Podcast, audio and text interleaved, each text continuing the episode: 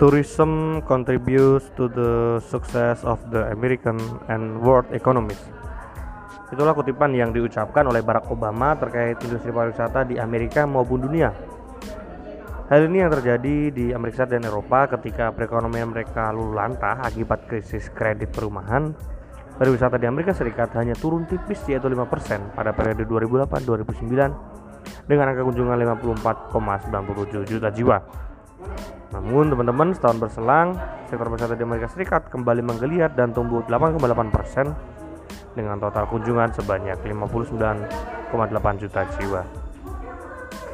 Kondisi tersebut menyatakan bahwa sektor pariwisata adalah sektor yang tahan banting kebutuhan terhadap liburan telah menjadi bagian dari kehidupan masyarakat dunia.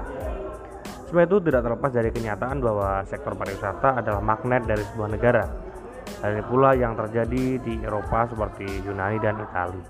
Ketika perekonomian mereka memasuki jurang krisis, industri pariwisata mereka tetaplah eksotis. ya, eh, terkait dengan negara-negara yang mempunyai pariwisata yang tinggi dengan jumlah wisatawan yang tinggi, yang pertama itu ada Prancis. Prancis memiliki total kunjungan wisata terbesar yaitu sebanyak 83 juta jiwa Padahal total populasi di negara Prancis hanya 65,7 juta. Artinya tingkat kunjungan turis di Prancis telah melebihi jumlah penduduk mereka. Selanjutnya ada negara Inggris dan negara Korea Selatan. Korea Selatan mewakili Asia.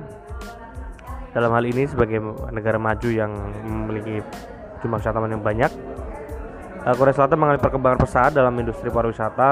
Eh, salah satu media yang mereka gunakan adalah kebudayaan. Jadi, jadi budaya merupakan magnet yang utama untuk pariwisata Korea.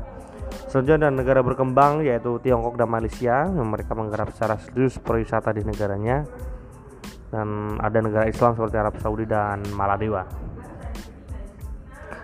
Nah itulah mengapa jumlah negara di dunia itu berlomba-lomba untuk mempromosikan industri pariwisatanya tanpa mengenal lelah. Nah, meskipun uh, dia termasuk negara yang sudah memiliki perekonomian sangat maju, negara berkembang atau yang sedang tumbuh atau bahkan negara Islam. Semua itu karena industri ini memberikan dampak positif bukan hanya bagi perekonomian sebuah negara, melainkan juga bisa dimanfaatkan oleh warga setempat untuk mencari penghasilan serta membuka lapangan pekerjaan baru. Menjaga momentum perekonomian uh, adalah kunci uh, untuk di Indonesia misalnya. Salah satu cara yang bisa kita tempuh adalah terus mengembangkan dengan konsisten sektor pariwisata yang kita miliki Tentunya kita setuju bahwa amatlah sayang jika Indonesia sebagai negara yang dianugerahi kekayaan alam dan objek pariwisata yang beraneka ragam tidak memanfaatkannya dengan baik. Banyak negara yang sudah melakukannya, lantas mengapa kita tidak melakukannya? Padahal industri pariwisata kita hanya sebuah harta yang terpendam dan tak ternilai harganya. Banyak tantangan yang menghambat atau tantangan-tantangan yang harus kita hadapi harus Indonesia hadapi terkait dengan kepariwisataan. Daya dukung terbesar negara kita untuk meningkatkan daya saing masih terletak pada kekayaan alam dan kebudayaan tentunya dengan meningkatkan bidang-bidang pendukung pariwisata dan investasi akan terus meningkatkan daya saing kita di masa mendatang. Era internet ya membuat kita harus aktif dengan digitalisasi.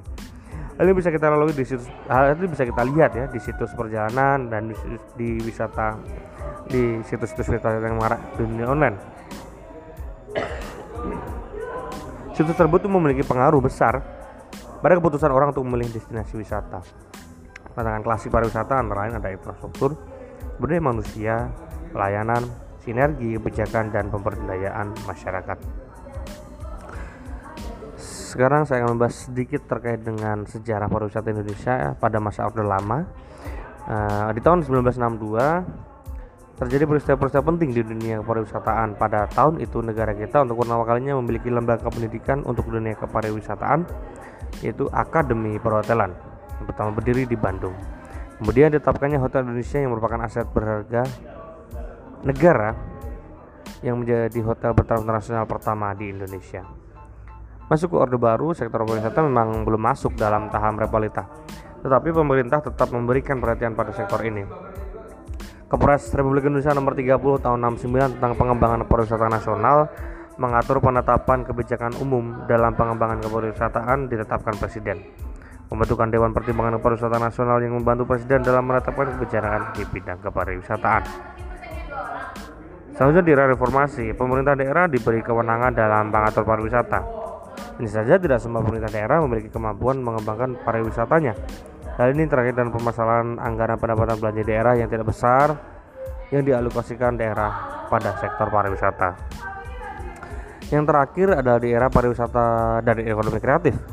Salah satu pertimbangan memasukkan ekonomi kreatif dalam kementerian adalah perkembangan kreativitas dan inovasi di kalangan anak muda di negara ini yang begitu pesat ditambah juga adanya bonus demografi, bonus demografi yang menangkatan kerja akan sangat banyak membuat industri kreatif uh, sangat diperlukan bagi Indonesia.